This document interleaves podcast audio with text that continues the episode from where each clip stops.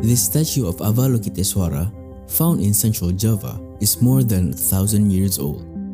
Avalokiteshvara is a significant figure in Buddhism. He is the personification of affection and compassion, and is still worshipped by millions of people for his ability to offer salvation from pain and suffering.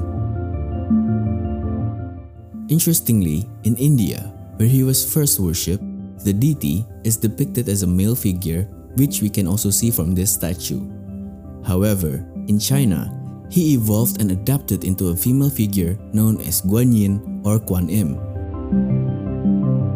This statue is made of bronze plated by silver, while its jewelry is made from gilded bronze.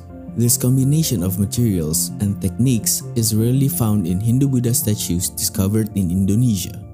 The art style probably came from the Thailand peninsula, which maintained close interactions with the kingdom of Sriwijaya, especially with the house of Sailendra, who also extended a sphere of influence to the island of Java.